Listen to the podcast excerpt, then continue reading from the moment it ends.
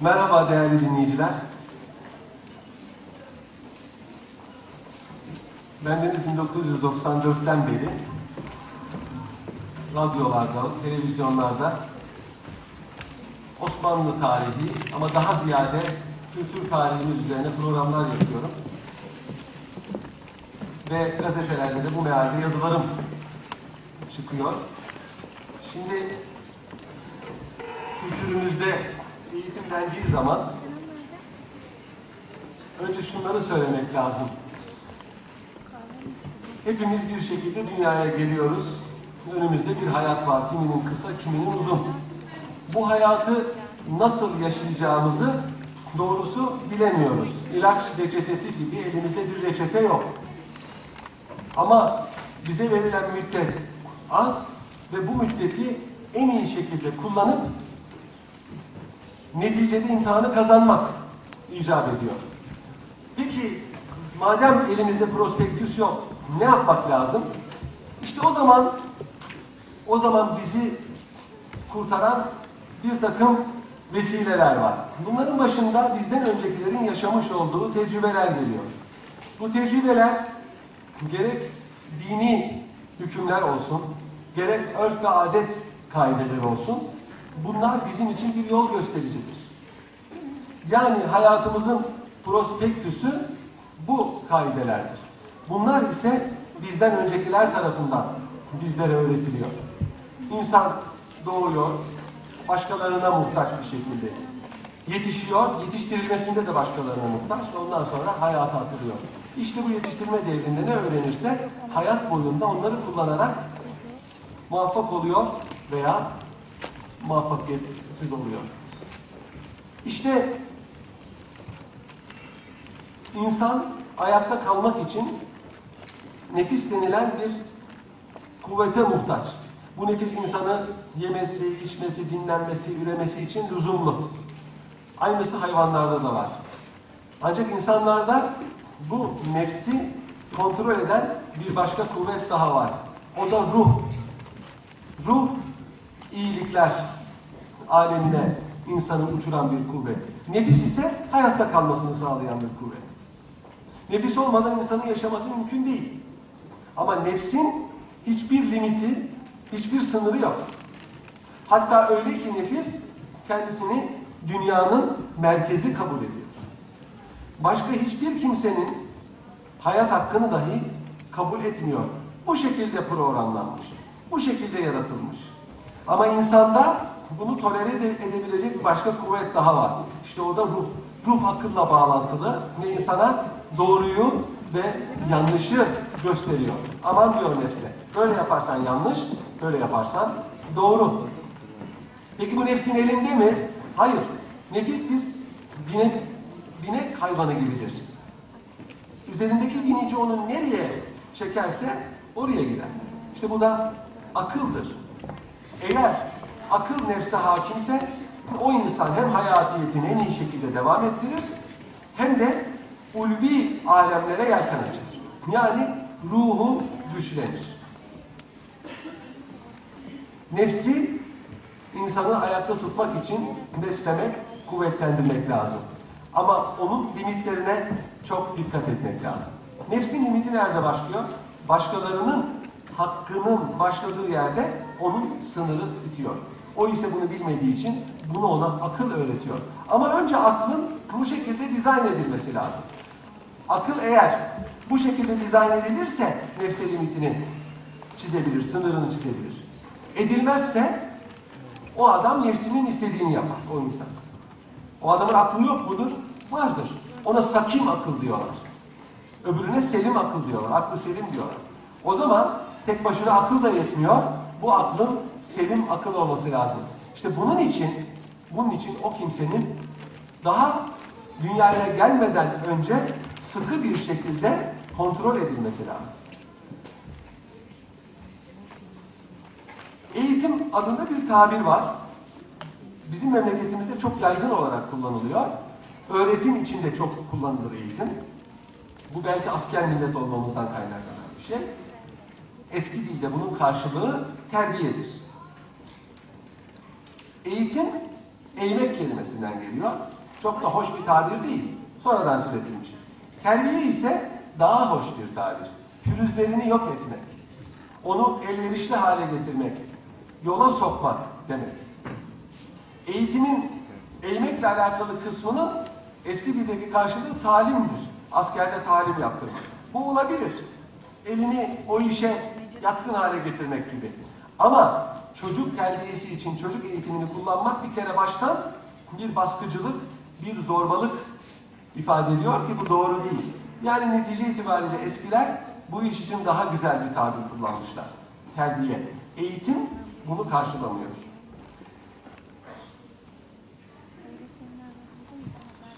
Kültürümüz deyince kültür nedir? Kültür öncelikle bizi bir arada tutan bir takım değerler. Bu değerlerin başında ister istemez kimileri beğensin, beğenmesin, kabul etsin, etmesin din geliyor. Din kültürün esas taşıdır. Çünkü dinler, ez cümle İslam dini, insanın doğumundan ölümüne kadar, sabah kalktığından gece yatışına ve sabaha kadar uyuşuna kadar her şeyini tanzim etmek iddiasındadır. Din kaideleri yeme içme, uyuma, helale gitme, evlenme, giyinme, her şeyi çocuk yetiştirme, her şeyi dizayn ediyor. Sadece ibadetleri değil. E hal böyle olunca kültürün esasını din kaideleri, din prensipleri teşkil ediyor. Bunun dışında cemiyetin bir arada yaşamasından doğan örf ve adetler var. Örf ve adet ne demek? Bir cemiyetin güzel gördüğü, beğendiği ve uzun bir zaman yapa geldiği şeylere denir. Bu dinle çatışmadığı müddetçe ikisi bir arada uyum içinde devam ediyor ve cemiyetleri dizayn ediyor. İşte biz buna kültür diyoruz. Milletimizin kültürünü ne teşkil ediyor? Birincisi İslam dini. Türkler bin yıl önce, bin küsur yıl önce Müslümanlığı kabul etmişler. Tabii Türklerin İslamiyet'e girişi çok daha eski. 8. asıra tarihleniyor ama toplu halde Müslümanlık 10. asırdır. Demek ki bin yıldır Türkler Müslüman. Ve Müslüman olduktan sonra Türkler İslamiyet'e uymayan bütün örflerini, geleneklerini, prensiplerini bırakmışlar. Bu yeni dini hayatlarına bir nazım hale getirmişler, tanzim edici hale getirmişler. Bunun yanında da kendilerini millet yapan, ayakta tutan, bir arada tutan bir takım prensipleri, yani örf adetleri, gelenekleri de devam ettirmişler. Bunları biz Oğuz töresi diyoruz. Bu memlekette Türk aslından olmayan insanlar yaşıyor. Eskiden de yaşıyordu daha fazla. Osmanlılar zamanında bu memleketin yarısı gayrimüslimdi. Şimdi gayrimüslim çok az ama Türk aslından olmayan milletler var. Onlar da işte bu müşterek kültür dediğimiz kültür şemsiyesi altında birbirine benzer örf adetler altında yaşıyorlar. Bu kültürü İslam dini prensipleri dizayn ettiği için memlekette yaşayan farklı ırklarında ufak tefek farklılıklarla beraber örf adetleri birbirine benziyor. Hatta vaktiyle Osmanlılar zamanında Ermenilerin, Rumların bile pek çok örf adetlerde buradaki Müslümanlarla müşterek olduğunu görüyoruz. Buna şark kültürü deniyor. Şark kültüründe Garp kültüründe olmayan bir hava vardır. O da nedir? Topluluk, cemiyet halinde yaşama, fert halinde yaşama yoktur. O Amerikan filmlerinde var ya yalnız kalmak istiyorum. O bizim kültürümüzde yoktur. Bizde sıkıntı ve neşe beraber olur. Hiçbir kimse yalnız kalmak istemez. O filmlerde var, bizde böyle bir şey yoktur. Bu kültürümüzün farklılığının bir göstergesidir. Şimdi çocuk dünyaya geliyor. Bu çocuk yetiştirilecek. Bu çocuk anne babaya bir emanet olarak görülüyor. Kur'an-ı Kerim çocuk çocuğun anne babanın elinde bir imtihan vesilesi olduğunu söyler. Yani bu imtihanda geçerse geçer, kalırsa kalır. O halde bu çocuğun ideal bir şekilde yetiştirilmesi lazım. Nedir o ideal şekilde yetiştirmek? Nefsin kötülüklerinden mümkün mertebe arınmış, kendini tanınmış bir şekilde yetişmesi lazım. Ben merkezde olmayacak. Karşıdakini ön planda tutacak. Şark kültürü öncelikle karşı tarafı ön planda tutar. Aman kimse kırılmasın, aman kimse gücenmesin, aman kimse bundan dolayı üzülmesin. İşte anne babaya bu- burada çok iş düşüyor. Çocuk terbiyesi daha çocuk dünyaya gelmeden başlar diyor kitaplar. aklı başında bir evlilik yapmak icap eder. Çünkü çocuk sadece babanın değil annenin de emanetidir. Annenin de aklı başında olması lazım. Babanın da aklı başında olması lazım. Çocuk eşlerden birinin himayesinde değildir. Her ikisinin de himayesindedir. Her ikisi de mesuldür. O halde evlilik ta başta, e, çocuk terbiyesi ta baştan başlıyor. Hazreti Peygamber'e birisi geliyor da çocuğundan şikayet ediyor. Bana olan hakkını yerine getirmiyor diye. Hazreti Peygamber çocuğa soruyor doğru mu? Ya Resulallah siz ona sorun. O bana olan hakkını yerine getirmiş mi? Benim annem, benim annem pazarda satılan bir köle kadındır. Böyle bir kadınla evlenip beni ondan dünyaya getirdi. Adımı kötü bir isim olarak verdi. Böcek manasına gelen bir isim koymuş adam çocuğuna. Üçüncüsü bana hiçbir şey öğretmedi. Ne ilim ne sanat. Onun üzerine Hazreti Peygamber adama dönüyor diyor ki sen bu çocuktan değil çocuk senden alacaklıdır.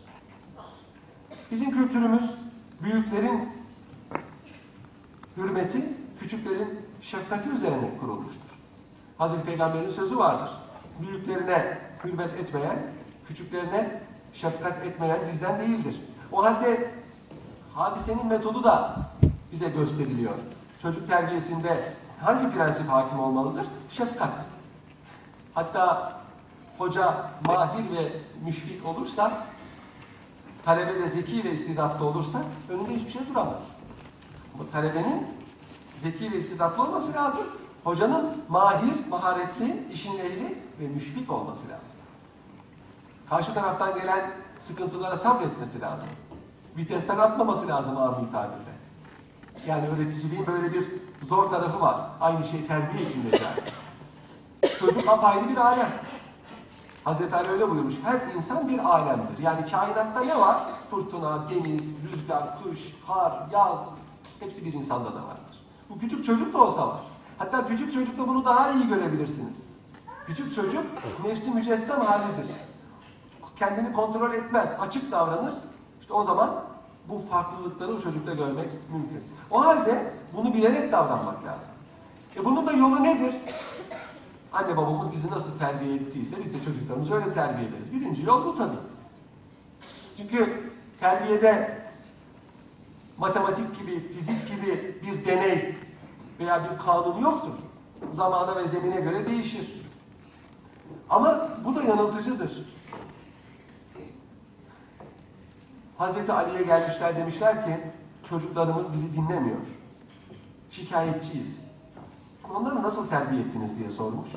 Nasıl terbiye ettiniz? Bu da soru mu? Anne babamızdan nasıl gördüysek, onlar bizi nasıl terbiye ettiyse biz de onları öyle terbiye ettik. Olmadı buyurmuş Hazreti Ali. Likülli zemanin rical ve makar. Her zamanın hükmü ayrıdır. Siz onları anne babanızdan gördüğünüz gibi terbiye etmeyin. Şimdiki usullere göre terbiye edin. Zaman değişti. Bizden önceki nesil, ne ondan önceki nesil bambaşka bir çocuk terbiyesi gördüler. Benim annem babasıyla hiçbir zaman konuşmadığını anlatıyor. Hiç. Ben babamla hiçbir zaman konuşmadım diyor. Çünkü eskiden vakar, ağırbaşlılık esastı. Babalar çocuklarla konuşmazlar. Onlarla yüz göz olmazlar. Bir mesele olduğu zaman anne vasıtasıyla çözülür. Hatta babalar çocuklarla yemek yemezler. Bu onları küçük gördüğü için değil. Anne baba yemek yerken yemeği efendim sakalına damlasa, üzerine dökse, affedersiniz geğirse bunlar hoş olmayan davranışlar. Çocuk bunları görerek o babasına karşı olan hürmetinde kusur etmesin diye böyle bir gelenek vardı eskiden. Şimdi ben buna çok şahit oldum. Dayım babası onu liseye yazdırmak üzere götürdüğünde bir savcı arkadaşıyla karşılaşmış. Dayım savcı dedemi yemeğe davet etmiş dayımla beraber. Dayım diyor ki babam hayatında bu kadar bir işkence çekmedi diyor benimle aynı sofrada yemek yediği için. Hiç yememiş hayatında. E bu eski terbiye böyleydi. Ama zaman değişti. Şimdi çocukları böyle terbiye etmek mümkün değil. Eğer böyle terbiye etmek isterseniz çocuk elden gider. Neden mümkün değil? Ne zaman o zaman ne evler öyle evler. Çünkü eski evlerde dedeler ve babaanneler var. Dedeler ve babaannelerin veya anneannelerin çocuk terbiyesindeki rolü birinci derecededir. İhmal edilmeyecek derecede mühimdir. Günümüzdeki en büyük problemlerden bir tanesi budur. Bölünmüş evler. Hatta bizden önceki nesil baba ve ninelerini görmediklerinden yakınırlardı. Harpler sebebiyle dedeler ölmüş. Birinci Dünya Savaşı'nda bir milyon genç ölmüş. Çok kişinin dedesi bu harplerde ölmüş. Nineler keza öyle. Onun için bizden önceki nesil, bir önceki nesil dede ve nine görmediklerinden şikayet ederlerdi. Belki de cemiyette yaşadığımız sıkıntılardan en mühimlerin bir sebebi de budur. Günümüzde dedeler, babaanneler sağ. Yaşama, ölüm şeysi arttı. Hayat, ortalama hayat seviyesi e, arttı. Ama aynı evler yok. Herkes çekirdek aile, farklı evlerde yaşıyor. Anne baba çalışıyor. Çocuk kreşlerde. Halbuki eski büyük evlerde anne baba belki kadın dışarıda çalışmıyordu ama evde işle meşguldü. Çocukları babaanne, dede veya ni- anneanne, ni- dede yetiştiriyordu. Kültürü çocuğa onlar aktarıyordu. Oturmayı, kalkmayı, konuşmayı onlar öğretiyorlardı. Aile tarihini, hikayeleri, masalları, dinini, edebiyatı onlar öğretiyorlardı. Böyle bir kopukluk var şimdi. Bu büyük bir eksikliktir. Çocuk terbiyesinde büyüklerin, yaşlıların rolü ihmal edilmeyecek ölçüdedir. Eskiden böyle bir durum var. Böyle olduğu için de anne baba çocukla hep mesafeli olmuştur. Dede ve nine çocuklarla ilgilenir. Anne baba çocukla resmidir. Böyle bir kültür var. Dedeler ve nineler her zaman torunlarla iyidir. Bir komşumuz vardı da bunu düşmanımın düşmanı dostumdur diye izah ederdi. Çocuklar anne babalarının düşmanı olarak görülüyor. Tabii bunu yanlış anlamayın. Buradaki düşman hiç doymak bilmeyen bir alacaklı. Çocuk böyledir anne babası için. Devamlı ister, devamlı ister. Biraz da tabii tabiatın icabı böyle. Hazreti Peygamber'in bir sözü vardır. Evladüna ekbadüna. Çocuklarımız ciğerlerimizdir. Yani bize o kadar yakındır. Bizim için o kadar kıymetlidir. Rahmetli Müftü Mekki Efendi vardı. O da derdi ki Sıgaruhum umerauna kibaruhum adauna. Küçükleri düşmanlarımız, e, amirlerimizdir. Büyükleri düşmanlarımızdır. Yani devamlı bizden biz bize bir şey isterler. Şimdi bu zahir oldu. Evlerin çoğunda çocuklar bakıyorum amirdir. Hele bir de isimleri şimdi çok moda Emir Han. Yavrum diyorum hem Emir hem Han. Zaten çocuklar evde amir. Bir de şimdi böyle isim koydunuz işiniz iş. E bu neden oluyor? Bu neden oluyor? Bu çocuğun suçu değil. Çocuk dedim ya nefsi mücessem halidir. Onun öyle bir limiti yok. Çocuğun e, elde edemediği bir takım e, hasletleri anne baba bu şekilde tazmin etmeye, telafi etmeye çalışıyor. O zaman da işte bu makbul bir terbiye ortaya çıkmıyor. Her istediği yapılan çocuklar hayat boyunca sıkıntı çekerler. İran şahlarından birisinin oğlu bir hoca tarafından terbiye ediliyormuş da gelmiş şikayet etmiş babasına. Demiş ki ben hocamdan şikayetçiyim. Neden? Bana demiş kar topu elletiyor, ellerim donuyor demiş. Çağırmış hocayı, şah evet demiş doğru. Neden yapıyorsun bunu? Demiş ki bana itimadınız yoksa mi? Bu bildiği var herhalde. İtimat edilen de bir kimse. Peki devam et. Gel zaman İslam'a bu şah ölmüş. Oğlu şah olmuş. Kuzeye bir sefer yapmışlar. Soğuk memleket İran sıcak. Askerler alışamadığı bir soğukla karşı, alışmadıkları bir soğukla karşı karşıya gelince yayları gerememişler. Fakat bu şah çocukluğunda kar topu tutmaya alıştığı için tek tek o yayları gelmiş ve zaferin kazanmasına vesile olmuş. İşte çocukların mahrumiyete alışmaları, onların sonraki hayatları için onlara bir iyiliktir. Bu da terbiyenin bir parçasıdır. Eskiden zenginler çocuklarına belli aralıklarla kuru ekmek yedirirlermiş. Katıksız yemek. Çocuk buna da alışsın diye. Çocukların sevmediği yemekler vardır. Bu, bu yemekleri belki hepsini değil çocuğa birkaç tane opsiyon tanıyarak yedirmek lazımdır. Yarının ne getireceği belli olmaz. Bu millet çok enteresan şeyler görmüştür. Açlık gördü bu millet, hicret gördü. Şimdi bunlar hep unutuldu. Tarih derslerinde de bunlar anlatılmıyor. Malum bir dezenfektasyon hadisesi var. Yakın tarihi anlatılmıyor. Birinci Cihan Harbi'nde yaşanan sıkıntılar, tamam devamlı sıkıntı edebiyatı yapmak doğru değil ama çocuk terbiyesinde bunun çok mühim rolü vardır. Çünkü dünya işlerinde kendinden aşağılara, ahiret işlerinde kendinden yukarılara bakmak lazım diyor kitaplar. Kendinden daha sıkıntılı durumda olanları görmek, kişinin haline şükretmesini, elindekiyle iktifa etmesini, kanaat etmesini ve istikbalde yokluk çektiği zaman buna mukavemet etmesini temin eder.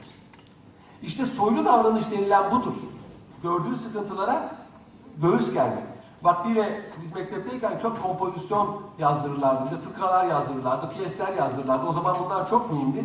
Şimdi soruyorum gençlere, varsa yoksa sayısal diyorlar. Hiç edebiyat, kompozisyon, gramer bunlara ağırlık ver, verilmiyor diyorlar umumi olarak mekteplerde böyle.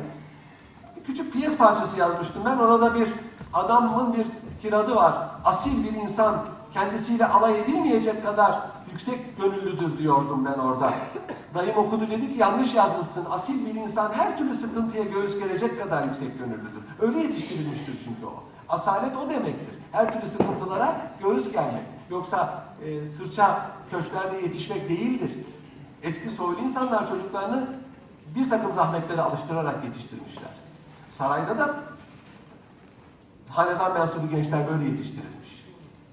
Ne götüreceği belli değil. Harpler, sıkıntılar. Onun için bu çocukların bunları görmesi icap ediyor. Ama çocuklara biz sıkıntıyı öğreteceğiz. Onları bu yönden terbiye edeceğiz diye de çok abartmanın da gereği yok. İkide bir de bizim zamanımızda bizim bir ayakkabımız vardı. Bizim zamanımızda şöyle fakirlik böyle sıkıntıydık deyip de çocuklara devamlı minnet yapmak da psikolojik sıkıntılara sebebiyet verir. Eskiler çocuklarla doğrudan e, terbiye temasına girmemeyi tercih etmişler. Ve herkes çocuğu için bir numune-i imtisal şahıs tespit etmiş. O kişiyle o çocuğu karşılaştırmış. Ona yönlendirmiş. Efendim mum dibine ışık vermezler. Alimler bile çocuklarını başka alimlere göndermişler. Çünkü Hazreti Peygamber buyuruyor ki nase bi alimi ehluhu. Bir alime en çok tanıksayanlar onun ailesidir. Bunu hastayken görmüş, iyiyken, üzülürken, sevinirken, helaya girerken, pijamasıyla görmüş, kıymet vermez. Ama başkasına kıymet verir. İşte onun için eskilerin böyle bir formülü var. Çocukları terbiye ederken başkalarından istifade etme. Sarayda lavalar vardır. Çocuklara bir lala tayin ederler. O lala çocuğun oturmasına, kalkmasına, her şeyine nezaret eder. Terbiye bir anlamda nezaket, görgü kuralları demektir. Çok eski bir görgü kitabı vardı. 1930'larda yazılmış bizim pederden kalma. Onun ön sözünde Avusturyalı bir adam yazmış. Türkçe'ye tercüme edilmiş. Diyor ki insan kendini dünyanın merkezi kabul eder. Görgü kaideleri bunun zararlarını bertaraf etmek için vardır. Görgü kaideleri önce sen sonra ben demektir diyor. Ki bu çok aynı zamanda da İslami literatüre uygun bir vasıflandırmadır. Çocuğun oturmayı, kalkmayı, konuşmayı bilmesi lazımdır. Ağaç yaş iken eğilir sözü bizim sözümüzdür. İşte bunu eskiler başkalarına yaptırmışlar. Çocuğa söylemekle bu olmaz. Başkaları bunda daha muvaffak oluyorlar. Bir de kelam mütekellimin vasfı olmayınca samiine tesir etmez diye bir söz vardır. İzah edeceğim. Kelam o sözü söyleyenin vasfı, karakteri, özelliği değilse dinleyenlere tesir etmez. Çocuk baba çocuğa söylediği bir takım terbiye tavsiyelerinde kendisi eğer riayetkar değilse çocuğa tesir etmez. Çünkü çocuk anne babaya bakar. Eskilerde eskilerde çocuğu terbiye etmek için kendileri vazgeçmişler. Kendileri vazgeçmediği şeyi başkalarına söylememiş. Bu sadece çocuk terbiyesinde değil, başka insanlara söz geçirmede de vardır. İmam-ı Azam Ebu Hanife'nin meşhur bir sözü vardır. Köle azadı hususunda bir vaaz ver de efendim beni azat etsin demiş. 15-20 gün sonra İmam-ı Azam köle azadının faziletlerini anlatmış. Efendi de oradaymış, gelmiş köleye seni azat ettim demiş. Bugün İmam-ı Azam çok faziletlerinden bahsetti. Köle serbest bırakmanın, köleyi hürriyetine kavuşturmanın. O da gitmiş Hazreti İmam'a demiş ki ya İmam ben sana bu ricada bulunalı haftalar oldu. Niçin şimdi vaaz verdin? Demiş ki yavrum benim kölem yoktu. Ben bir köle satın aldım, azat ettim. Ki sözüm dinlensin. Yoksa sözüm dinlenmez. Ben o, o iş yapmazsam karşı taraf onu dinlemez. Anne baba bir şey yapmazsa onu çocuklara söylemenin hiçbir kıymeti yoktur. Onun için çocuk terbiyesindeki en mühim hususiyetlerden bir tanesi de anne babanın oturaklı olmasıdır. Anne baba oturaklı olursa çocuğa hiçbir şey söylemesine gerek yok. Çocuklar zekidir. Etrafta olup bitenleri gayet güzel sezerler. İşte eskilerin eskilerin en mühim riayet ettikleri prensip de buydu. Gerek dini, gerek ahlaki, gerek nezaket kaidelerini çocuğa doğrudan böyle yap evladım, şöyle yap evladım diye değil, kendisi yaparak. Ve bunun dışında çocukla hiçbir zaman yüz göz olmamak mühimdir. Eskileri ben bilirim, bakışlarıyla çocukları idare ederlerdi. Eski anne babalardan kavga etmek, hele çocuğa hakaret etmek çocukla mümkün değil. Eski anne babalar çocuğa bir baktı mı, çocuk ne demek istediğini anlardı. Leblemeden leblebi anlamak veya Arapların tabiriyle küllü lebibin yefhemu bil işare. Uyanıklar bir işaretten anlar. Çocuklar uyanık. Anne babanın neye kızdığını gayet iyi bilirler. Kavga etmek, dövüş yapmak yüz göz olmaya sebep olur ki bu eskilerin lügatında yazmaz.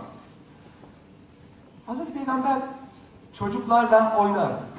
Çocukla çocuk olmak bir prensiptir. Ve men kâne lehu sabiyyen ve tesâve bih. Onunla beraber yani kim kimin bir küçük çocuğu varsa onunla çocuklaşsın buyuruyor Hazreti Peygamber. Ve Hazreti Hüseyin'den oyunları anlatılıyor. Mübarek dillerini çıkarırlarmış. Hazreti Hüseyin kırmızılığını görünce dilin gülermiş. Hoşuna gidermiş. Düşünün Hazreti Peygamber ben koskoca peygamberim. Benim böyle basit işlerle ne işim var dememiş. Çocukla çocuk olmak mühimdir. Nitekim Hazreti Peygamber'in zamanında onu Hazreti Hasan'la Hazreti Hüseyin'i öperken gören birisi benim çocuklarım vardır. Akra isminde bir sahabi. Benim çocuklarım vardır. Ben hiçbirisini böyle alıp sevmemişim deyince Hazreti Peygamber buyurdular ki men la yerham la yurham. Kim merhamet etmezse ona merhamet olunmaz. Hazreti Ömer zamanında birisi Hazreti Ömer'in çocuğunu sevdiği görüyordu sevdiğini. Ben diyor çocuklarımla hiç böyle yüz göz olmam.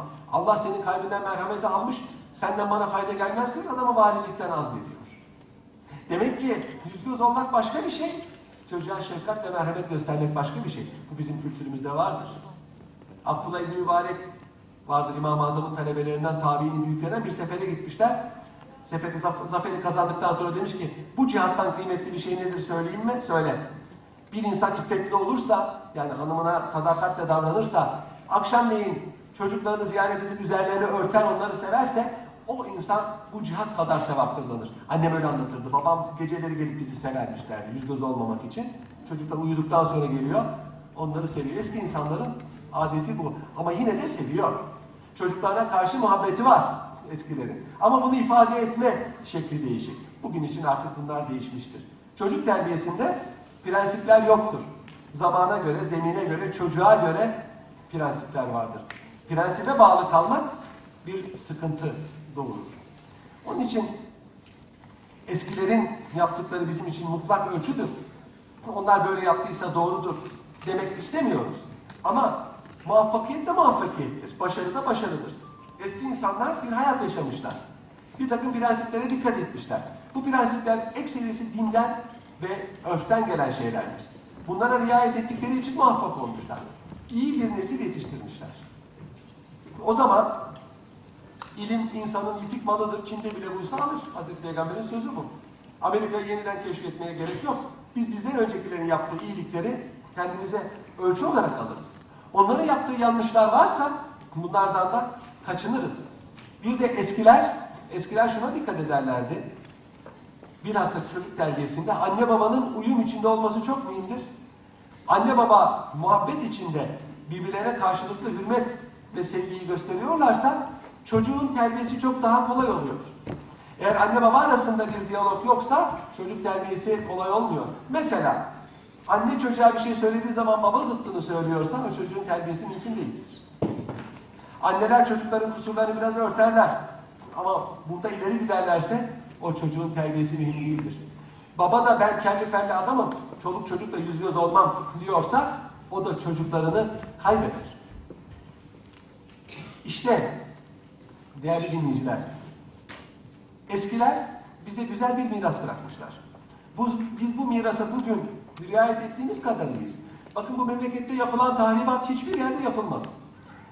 Hiçbir İslam ülkesinde, hiçbir Asya ülkesinde, hiçbir Avrupa ülkesinde bizdeki kadar cemiyet hayatı bir tahribata uğramadı. Kültür başkalaşmasından bahsediyorum. Buna rağmen şu anda bizim yaşadığımız cemiyet dünyanın en örnek cemiyetlerinden birisidir. Aile hayatı mazbuttur. Yani ahlaki sapkınlıklar çok azdır. İnsani değerler yine de üst seviyededir bu asra göre. Neden acaba? İşte eskilerin çok sağlam bir temel attığını görüyoruz. Ondan dolayı elbette ki onlara minnettarız. Peki bu minnettarlığı nasıl göstermemiz lazım? Minnettarız demekle olmuyor.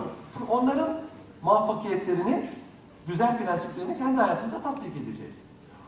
Onlar eğer bir hata yapmışlarsa veya onların tatbik ettikleri prensip artık günümüzde para etmiyorsa işte biraz evvel anlattım. O eski evler şimdi yok. Onun için babaların artık kendini ara satması müspet değil, menfi tesir yapar. O halde bu prensipleri de kendi hayatımıza tatbik edersek çocuklardan bir fayda görürüz. Çünkü çocuklar emanet, ahirette bunun sorgusu var, suali var. Sadece isim koymak, yetiştirmek değil, onu cemiyete faydalı olarak da terbiye etmek anne babanın vazifesidir. Bir takım davranışlar var cemiyette büyüklerden gördüğümüz. Niçin böyle yapıyor diyorsunuz? En basiti bir yere çöp atmak. Yüksek sesle müzik dinlemek. Yani başkalarını rahatsız eden. Bu bir terbiye noksanlığıdır. Evet, terbiyeye elverişlilik ayrı bir şey. Genlerden gelir. Eski hükema diyorlar ki hakimler, insan karakterinin yüzde otuzu takriben genlerden gelir. Yani işte eskiler buna dikkat etmişler. Ve çocuklarından şikayetleri olmamış.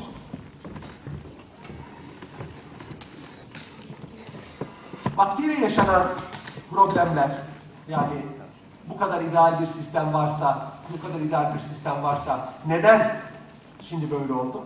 Elbette ki insan mükemmel değil. İnsanda menfi hasletler de var, müspet hasletler de var. Ama maksat müspet hasletleri değerlendirmek, arttırmak. Osmanlıların enderum sistemini bilirsiniz. Girmeden önce de arkadaşlarla konuştuk. Zeki çocukları, zeki çocukları alıyor, sarayda hususi olarak yetiştiriyor. Tabii bunu devlet adamı olsun diye yetiştiriyor. Yani burada bir pragmatik bir sebep var, yani faydacı bir sebep var. Ama bu çocukları öyle yetiştiriyor ki bunlar birer numune oluyor. Sarayda bunlara en üstün hocaları tutuyor. Zaten zeki oldukları için hepsi kolayca bu merhaleleri alıyorlar. Zeki çocuğu çok meşgul etmek lazım. Bunları spor müsabakalarıyla meşgul ediyorlar. Aynı zamanda deşarj oluyor bunlar. Bunların hobileri var her birisinin. Bir kısmı sesi güzelse hafızlığa yönlendiriliyor. Saray Camii'nde müezzinlik yapıyor. Musiki istidadı olan ona yönlendiriliyor. Mekter takımında çalıyor. Nakış yapanları var, hat yazanları var. Devamlı meşgul ediyor. Bu meşguliyet sırasında nezaket ve terbiyeye çok dikkat ediliyor. Ve Osmanlı Sarayı'nda bu bakımdan asırlar boyunca en ufak bir skandal yaşanmamıştır. Namaza dikkat etmeyen, içkiye münhemik olan veya büyüklerine karşı hürmetkar davranmayan saraydan tard ediliyor. Dedim ya lalaları var. Her üç çocuğa bir lala veriliyor. Lala o çocuklarla beraber geziyor. Lala bakışlarıyla çocukları idare ediyor. Böyle yapılır, böyle yapılmaz. Lala nizam etti derler hatta. Lala nizam etti demek yani böyle yapma dedi.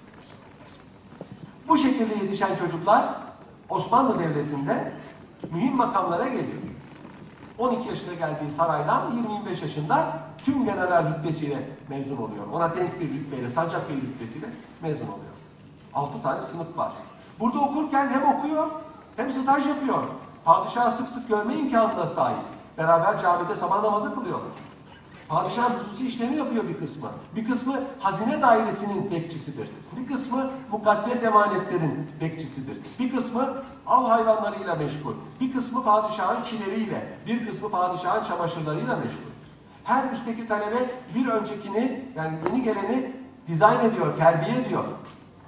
Bu eski Avrupa okullarında da vardır. Junior talebeler aşağıdaki talebeleri o mektebin kaidelerini yani terbiyesini aşılarlar. Bu iş böyle oluyor. Böyle bir sistem kurmuş. Aynısı medreselerde de vardır. Medreselere yatılı talebe alınır. İki talebe aynı odada kalır. Çömez ve danışment. Danışment kıdemli talebedir. Çömez yeni gelmiştir. O çömez o kıdemli talebenin çamaşırlarını yıkar. İmaretten yemeğini getirir. Işığını yakar, seccadesini serer, abdest suyunu döker. O da onu hem ders çalıştırır hem oturmasını kalkmasını öğretir. Çünkü çömez Anadolu'dan yeni gelmiş köylü çocuğu. Dünya sınıfına gelen adam artık memleketiyle alakasını kesecektir. Ulema olmuş birisi artık memleketinin ağzıyla konuşamaz. Memleketinin yediği yemekleri yiyemez. Memleketinin giydiği kıyafeti giyemez. O rafine, seçme bir insandır. Ve bütün Osmanlı milletinin numunesidir o. Aynı şey saraydakiler için de geçer. Onlar da bu şekilde yetiştiriliyor. Ve en ufak bir protokol ve edep hatasına tahammül edilmiyor. Osmanlılar her şeyi affetmişlerdir. Fakat terbiye ve protokol bu ikisi çok mühimdir. Zaten ikisi de bir aradadır. Terbiye biliyorsunuz diplomatik terbiye, protokol diplomatik terbiye demek. Buna en ufak bir riayet- riayetsizlik o kişiyi bulunduğu çevreden, gruptan, klikten atar. Biz bu adamdan hayır göremeyiz derler. Onun için sarayda terbiyeye çok ehemmiyet verilmiş. Bu terbiyenin aynısı haremde de yapılıyor. Hareme kızlar alınıyor küçük yaşta, cariyeler. 500-600 tane. Niçin alınıyor bunlar? Harem padişahın evidir. Bir kısmı hamamda çalışıyor, bir kısmı çamaşırhanede çalışıyor, bir kısmı mutfakta, bir kısmı ütühanede, bir kısmı hastane, revir var orada çalışıyor bunlar. Çırak olarak geliyorlar, kalfa oluyorlar sonra. 20-25 yaşına gelince evlenmek isteyenler evlendiriliyor. Evlenmek istemeyenler sarayda devam edip kıdemli oluyorlar. Bunlar fevkalade kültürlü, fevkalade terbiyeli insanlardır. Mesela dedim ya Enderun Mektebi'nde okuyan talebeler var. 20-25 yaşına gelince saraydan çıkacak. Ne oluyor o?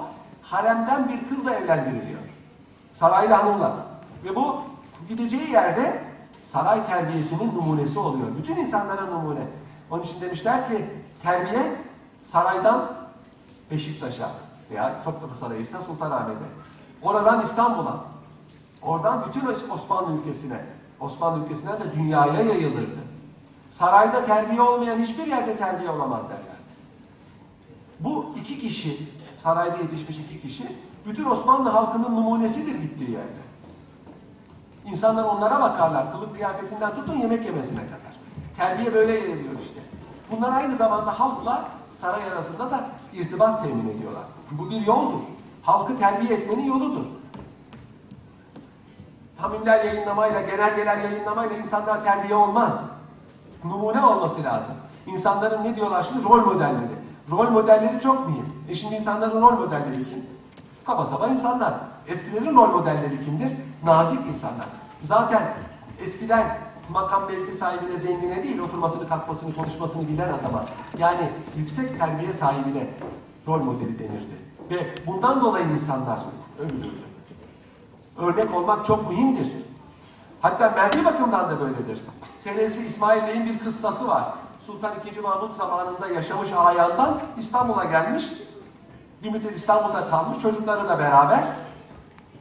Çocuklar Cezayir kesimine merak salmışlar. Osmanlı Devleti'nde bir kıyafet modası oldu bir ara Cezayir kesimi diye. Bıçkın bir moda. Tarif edeyim de gözünüzde belki canlansın. Gömlek tiril tiril buraya kadar açık. Burada muska, üzerinde küçük bir yelek. Ayakta şal var dizlere kadar. Dizlerden aşağısı çıplak. Ayakta bir ayakkabı arkasına basılıyor. Belde bir kuşak, Trablus kuşağı perişan sarılıyor, dümdüz değil. Bir kuşağın alttan sarkıyor ucu. Başta sarık, hafif böyle yatmış şekilde, o da perişan sarılıyor, böyle iğri büğrü. Tabi babayani bir kıyafet bu. Yani eski Osmanlı adamlarının beğeneceği bir kıyafet değil. Şimdi mesela saç uzatıyor çocuklar, anne baba kahroluyor. O bir devre halbuki. Senezli İsmail Bey çok üzülmüş. Şimdi dese ki çocuklara giymeyin böyle, inadına giyerler. Yani çocuklarda da bir psikoloji var. Ne dese tersini yapar. Öyle yapmamış adam. Osmanlı terbiyesi biliyor. Uşaklarına, arabacısına, bahçıvanına hep aynı elbiseden getirmiş. Şimdi bütün konağın hizmetkarları böyle giyinince İsmail Bey'in çocukları demişler ki biz hizmetkarlarla aynı giyinmeyelim. Vazgeçmişler. Baba bunlara bir şey söylemiş mi? Hayır. Yüz göz olmuş mu? Hayır. Üzülmüş mü? Hayır. Birbirlerine gebe kalmışlar mı? Hani onu söyledi, onu dinledi, dinledi. Yok. Mesele çözülmüş mü? Çözülmüş. İşte eski terbiye bu. Örnek meselesi. Rol modelleri de böyle. Eski insanların terbiyesi karşı tarafı incitmemek üzerine kurulu. Rumeli bir hanımın kocası İstanbul'a memur tayin edilmiş. Hanımını götürmemiş. Orada tabii evi var, çoluk çocuğu var. İstanbul'da bir daha evlenmiş. O zaman birden fazla evlilik mümkün. Kanun buna müsait. Hanım duymuş Rumeli'deki hanım. Bunu bana Münevver Ayaş'la anlatmıştı. Allah rahmet eylesin. Duymuş. Çok üzülmüş. Bir meclise demiş ki ah demiş o adamı elime geçirsem yapacağımı biliyorum. Acaba demişler öldürecek mi, saldıracak mı, yüzünü mü tırmaklayacak, intihar mı edecek? Ne yapacaksın diye sormuşlar. Bey, bey bu bana yapılır mıydı diyeceğim. Düşünün kadın kadar üzülmüş. Karşı tarafa söylediği söze bakın. Eskilerin, eskilerin kızmasında bile bir nezaket var. Nereden geliyor bu nezaket? İşte buna biz Osmanlı terbiyesi diyoruz. Bu Osmanlı terbiyesi bizim kaybettiğimiz en mühim değerdir. Bu Mısır'dan da, Musul petrollerinden de, Manastır'dan da, Selanik'ten de kıymetliydi bizim için. Ama Osmanlı terbiyesi ne kadar ihya edilirse zamanın şartlarına ve çevresi e, gereklerine göre bu insanlar o kadar rahat ederler. Çünkü tekrar söylüyorum Osmanlı terbiyesinin esası şudur. Önce sen sonra ben. Bu tabi menşeini tasavvuftan alıyor. Tasavvuf terbiyesi bu millete çok katkıda bulunmuştur. Tasavvuf olmasa millet gözlerini oyar birbirlerine. Bu terbiye tasavvufta nedir? Önce sen sonra yine sen. Osmanlı terbiyesi bunu biraz yumuşatmış. Önce sen sonra ben. Bu kadarı da iyidir. Hatta sen sen ben ben dese bu da iyidir. Karşı tarafın en azından hakkını kabul ediyor demektir. Özür dilerim lafı uzattım. Kusura bakmayın. Beni dinlediğiniz için teşekkür ediyorum. Sual sormak isteyen varsa 5-10 dakikada onlara zaman ayırabiliriz.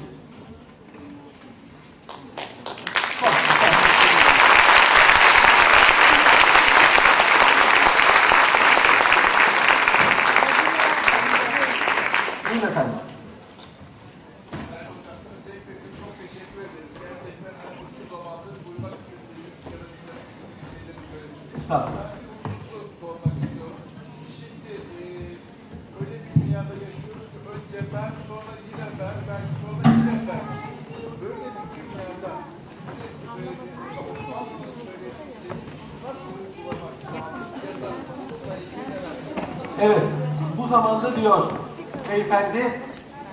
İnsanların önce ben, sonra yine ben, sonra yine ben dediği bir zamanda bunlar nasıl uygulanıyor?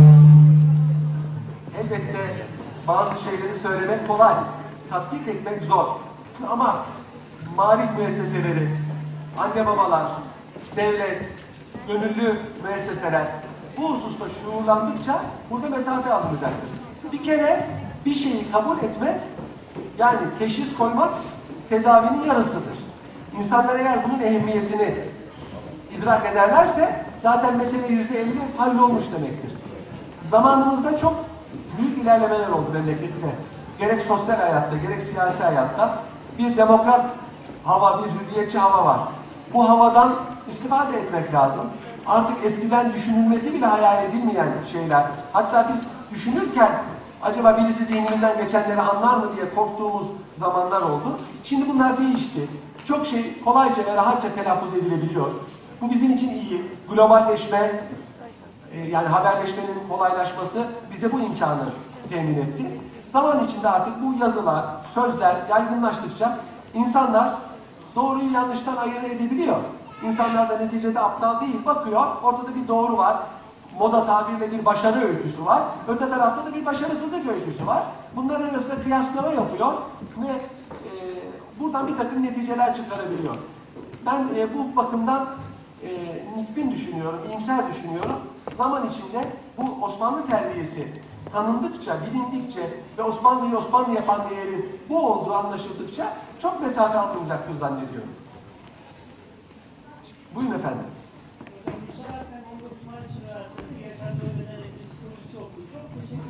Estağfurullah efendim. Yüksel Akdeniz 19 Mayıs Üniversitesi Yaşar Öğretmen Eğitim Psikolojisi Okulu.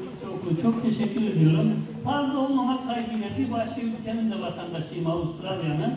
Orada 1863 yılında Osmanlı Enderun Mektebi'ne benzer üniversite high school yani üniversite lisesi kurmuşlar vesaire. Buna baktım sonra İsrail'in hukuk aynı bizim gibi bir enstitüsü ve Çin'in var, Rusya'nın vesaire var, tabii Almanların da var. Bunlara dönüp baktığımda ve süper ülkelerin hepsine baktığımda sizin de bir takım konularda bize devrilmesine söylediğiniz sağ olun. Özellikle bugünkü adıyla adına deha ve mucitler, üstün yetenekler ve özel kabiliyetler denilen bir usullerle sisteme Evet. geliyor. Amerikalı bir bilim adamı bize 2006 yılında şöyle demişti. Elini kaldırdı, herkes beni dünyanın deha ve muciti zannediyor dedi. Motor öğrenme konusunu anlatıyordu. Halbuki ben ya bir konuyu 10 sene çalışıyorum ya da 11 saat çalışıyorum, deha ve mucit oluyorum dedi. Ben Deniz'in teklifi şu, şu anda çok güzel sohbetlerinin ikincisini ancak izleyebildiğim, birincisini fırsatım olmamıştı. Ee, öbür ülkemdeydim. Ee, şunu söylemek istiyorum, bu güzel konumun çatısı altında bir ihlas meslek yüksekokulu ya da üniversitesi kurabilir miyiz? Bu deha ve mucitler enstitüsü üniversitesi gibi kurumları ne zaman kurabiliriz? Japonya'da, Amerika'da, Avustralya'da vesaire var. Şu Osmanlı'nın torunu olarak bizler bunu ne zaman yapabiliriz diyorum. Teşekkür ederim. Estağfurullah. Evet biraz evvel işaret ettiğimiz gibi Osmanlılar'da e, bugün bu bir problem. Yani daha sahibi çocukların, zeki çocukların yetiştirilmesi bir problem. Osmanlılar bu işi şöyle çözmüş. Müslümanlar arasındaki çocuklar zaten medreselerde temayüz edip yukarıya kayırılıyor. Ama gayrimüslimler medreseye gidemediği için bunlardan devşirme alıyor. E, gayrimüslimlerin mahalleleri geziliyor. Gerek dış görünüşü, Şimdi Osmanlılar'da bir ilim vardır, ilmi kıyaf ederler. Dış görünüşten bir çocuğun karakterini anlama kabiliyeti var. Bazı insanlar var, bunlara kaif derler. Bugün buna vücut dili, beden dili deniyor. Buradan çocuğu keşfediyor. Ona çok basit zeka testleri yapıyor, böyle oturarak test değil. Mesela çubuğu yere düşürüyor, çocuktan çubuğu istiyor. Çocuğu, ço- ço- çocuğun çubuğu tutuş yerine göre zekasını mesela kabul ed- e, anlıyor. Ve bu çocuğu devşiriyorlar, saraya alıyorlar. Ama orada artık mazisiyle irtibatı kesiliyor. E, Yoğun bir şekilde bu işe kanalize ediliyor. Bunun sonrası Mülkiye Mektebi'dir. Mülkiye Mektebi, Enderun Mektebi Mülkiye'ye dönüştü ama şimdiki Siyasal Bilgiler Fakültesi sıradan bir fakültedir. Ama ilk kurulduğunda öyle değildi Osmanlılar zamanında. Aynı Enderun geleneği orada yatılıdır. Aynı gelenekler devam ediyordu. İngilizler Eton Koleji ile özel bir kolejdir. Bunu devam ettirdiler. Buraya çocuk doğduğu zaman yazılırlar. Herkesin çocuğu alınmaz. Paralıdır ve e, zeka ve belli ailelerin çocukları alınır. Çünkü İngilizler zekanın ve iyi karakterin ailenin ürünü olduğuna çok inanırlar. Yani aileden geçtiğine inanırlar. Sonradan kazanılması hakkında çok sıcak bakmazlar. Burada bu çocuklar sıkı bir şekilde centilmen olarak yetiştirilirler. Çok iyi bir şey bilmeleri mühim değildir. Centilmen olarak yetiştirilen çocuk zaten doğruyu yanlışı bildiği için bilgiyi nereden alacağını da bilir. Bizim gibi 3. dünya ülkeleri daha ziyade çocuklara yoğun bilgi vermeye çalışırlar. O centilmenlik, görgü, nezaket, doğruyu yanlıştan ayırma şeysi ikinci planda kalır. Böyle bir problem var. Ama dediğim gibi yine son zamanlarda artık bu hususta bir takım çalışmalar yaptığını, yapıldığını ve daha sahibi zeki çocukların hususi olarak kayırıldığını görüyoruz. Zeki olmayan çocuklar için de kötü bir şey yok. İmam-ı Azam Ebu Hanife'nin iki tane has talebesi vardı. Birisi İmam Ebu Yusuf, biri İmam Züfer. İmam Ebu Hanife diyor ki İmam Ebu Yusuf'a bak diyor siz bana beraber geldiniz. iki arkadaş. Züfer çok zekiydi diyor. Sen zeki değildin, pelittin, durgun zekalıydın diyor. O zekasına güvendi diyor, çalışmadı. Sen zeki olmadığın için çalıştın, onu geçtin diyor. Yani bazen de zeki olmak bir adama sıkıntıdır. Seyyid Abdülhakim Efendi Necip Fazıl merhuma öyle demiş. Ah Necip Bey keşke bu kadar zeki olmasaydın. Ama zeka iyi yönlendirilirse süperdir. Ama bir insanda akıl vardır, zeka yoktur. Bu adam başarılı olabilir. Ama bir adamda zeka varsa, iyi yönlendirilmemişse bu adam başarılı olamaz, hatta çok zararlı olur. İkisi birden varsa o nurun ala nurdur. İşte devlete düşen veya gönüllü kuruluşlara, mekteplere, marif müesseselerine bunu tespit etmektir. Bunu tespit edip buna göre yetiştirmektir. Zamanımızda artık bu yolda çalışmalar olduğunu görüyoruz memnuniyetle. Evet, başka var mı sual? Buyurunuz efendim. Estağfurullah. Buyurun. Hukuki olarak çocuklarımız 18 yaşından sonra eşit kabul ediyorlar. Evet. Ee, tabii ki doğal olarak hukuksal haklarını elde etmiş oluyorlar. İslami olarak bizim onlara ne kadar karışabilme veya onları ne kadar yönlendirme e, yaşı var mıdır, yok mudur bunu öğrenmek istiyorum. Çünkü bazen bu yaşlılar bilmeden, istemeden belki iyi niyetli ama çok aşabiliyoruz. 30-40 yaşlara geldiklerinde bile hala onlara yön vermeye çalışıyoruz. Bu doğru mudur? E, yoksa bunun e, tabii ki göreceli bir yaş limiti vardır ama ortalama yaş olarak İslam buna nasıl bakıyor? Yani. Evet, teşekkür ederim. Kanun 18 yaşında reşit kabul ediyor. Yani artık bu kişi e, medeni haklarını, hukuki haklarını kullanabilir diye kabul ediyor. Ama tabii e, İslamiyet'te böyle değil. İslamiyet'te bir kişinin e, ehliyetini kazanması bulu ile olur. Bulu ermesiyle olur. Yani erkek olsun kadın olsun. Çocuk yapabilme kabiliyetini kazandığı yaşta çocuk buluğa ermiş demektir. Bu yaşın alt sınırı vardır. Kızlarda 9, erkeklerde 12. Üst sınırı vardır. Her ikisinde de 15. 15 yaşına gelmiş olan bir çocuk artık buluğa ermiş ve ehliyetini kazanmış olarak kabul edilir. Bu yaştan sonra artık buluğa ermiş çocuktan, çocuğun yaptıklarından anne babası mesul değildir. Değildir. Ancak anne babanın vazifesi daha öncedir. Mesela Hazreti Peygamber'in bir sözü var. Çocuklarınız 7 yaşına geldiği zaman onlara namazı emrediniz. Yani bir çocuk 7 yaşına küçüktür, daha buluğa ermesi mümkün değil. Hele bizim memleketimiz daha soğuk bir memleket. 10 yaşına geldiğinde kılmazsa hafifçe dövünüz. Çocuk terbiyesine dayak var mı yok mu? Buradaki dayak şimdiki insanların anladığı manada dayak değil tabii. Bu biraz eee, ceza manasında dayaktır. Yani çocuğu kınamak manasında bir dayaktır. Onun hükmü vardır öyle. Çocuğun canını acıtacak gibi değil. Rencide edici yani. Sen bir kabahat işledin, bu kabahat cezasız kalmaz manasında. E bakın o zaman anne babaya ne düşüyor? Daha buluğa ermeden çocuğa dini terbiye verme mecburiyeti var. Yani anne baba çocuğa dini terbiyeyi doğumundan itibaren verecek. 15 yaşından sonra vay benim oğlum şöyle yaptı, vay benim böyle kız- kızım böyle yaptı demesinin faydası olmaz. Çünkü artık belli bir kişilik kazanmıştır. Hele 20-30 her sıfırlı yaş biliyorsunuz insanın kişiliğinde belli bir merhaledir. 20, 30, 40 hatta eskiler derler ki 10 yaşına gel, geldiği halde oynamayan artık oynayamaz. 20 yaşına gelmiş okuyamayan artık okuyamaz. 30 yaşına gelmiş evlenemeyen artık evlenemez. 40 yaşına gelmiş zengin olamayan artık olamaz. 50 yaşına gelmiş eremeyen artık eremez. Bunun sıfırlı yaştan bir istisnası var tabii. Şimdi çocuğun ağaç yaşıken eğilir sözü boşuna değil. Çocuğa terbiye buluğa ermeden önce verilecek. Anne baba çocuğuna gereken terbiyeyi yani gerek dini terbiyeyi gerek içtimai terbiyeyi bundan önce vermişse işi tamamdır. Çocuk buluğa erdikten sonra ne yaparsa yapsın anne baba bundan mesul değildir. Peki bizdeki manzara nasıldır? Tam tersine. Aman çocuktur üzülmesin. Aman çocuktur arkadaşlarından geri kalmasın. Aman mektep mühim. Aman çocuk canının istediğini yesin. Aman istediği zaman yazsın. Bunlar ondan sonra 20 yaşına geldiği zaman o kızla evlenme. Oraya gitme. Oraya bakma. Bunu niye giydin? O- karışacak zaman o zaman değil ki. Karışacak zaman o zamandır. Şimdi artık karışma olmaz. Ya O, o akıl akıl işi değil.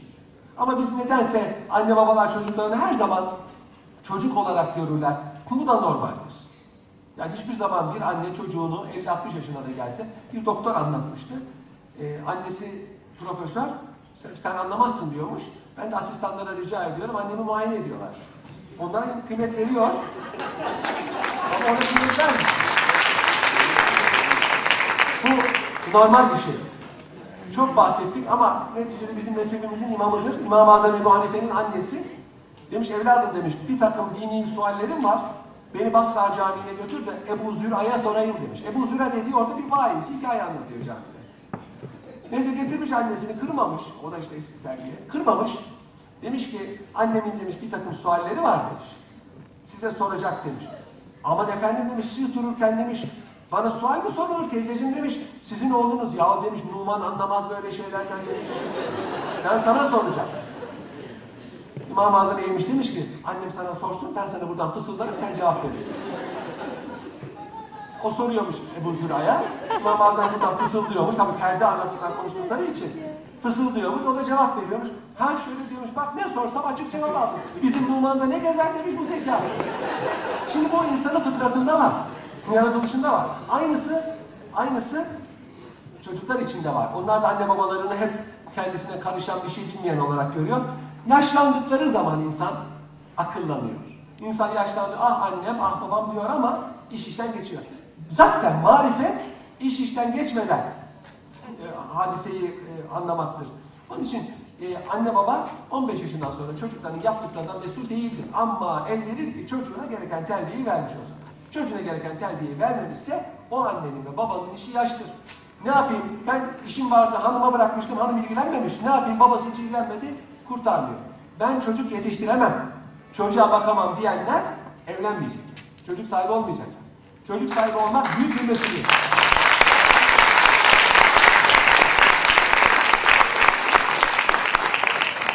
Evet, başka sual var mı?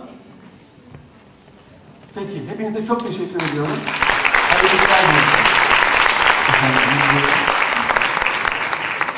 Kıymetli hocamıza bu etkileyici konuşmalarından ve güzel sohbetlerinden dolayı çok teşekkür ediyoruz. Ee, plaket ve çiçek takdimi için Ali Bey ve Hami Bey'i tekrar sahneye arz ediyoruz.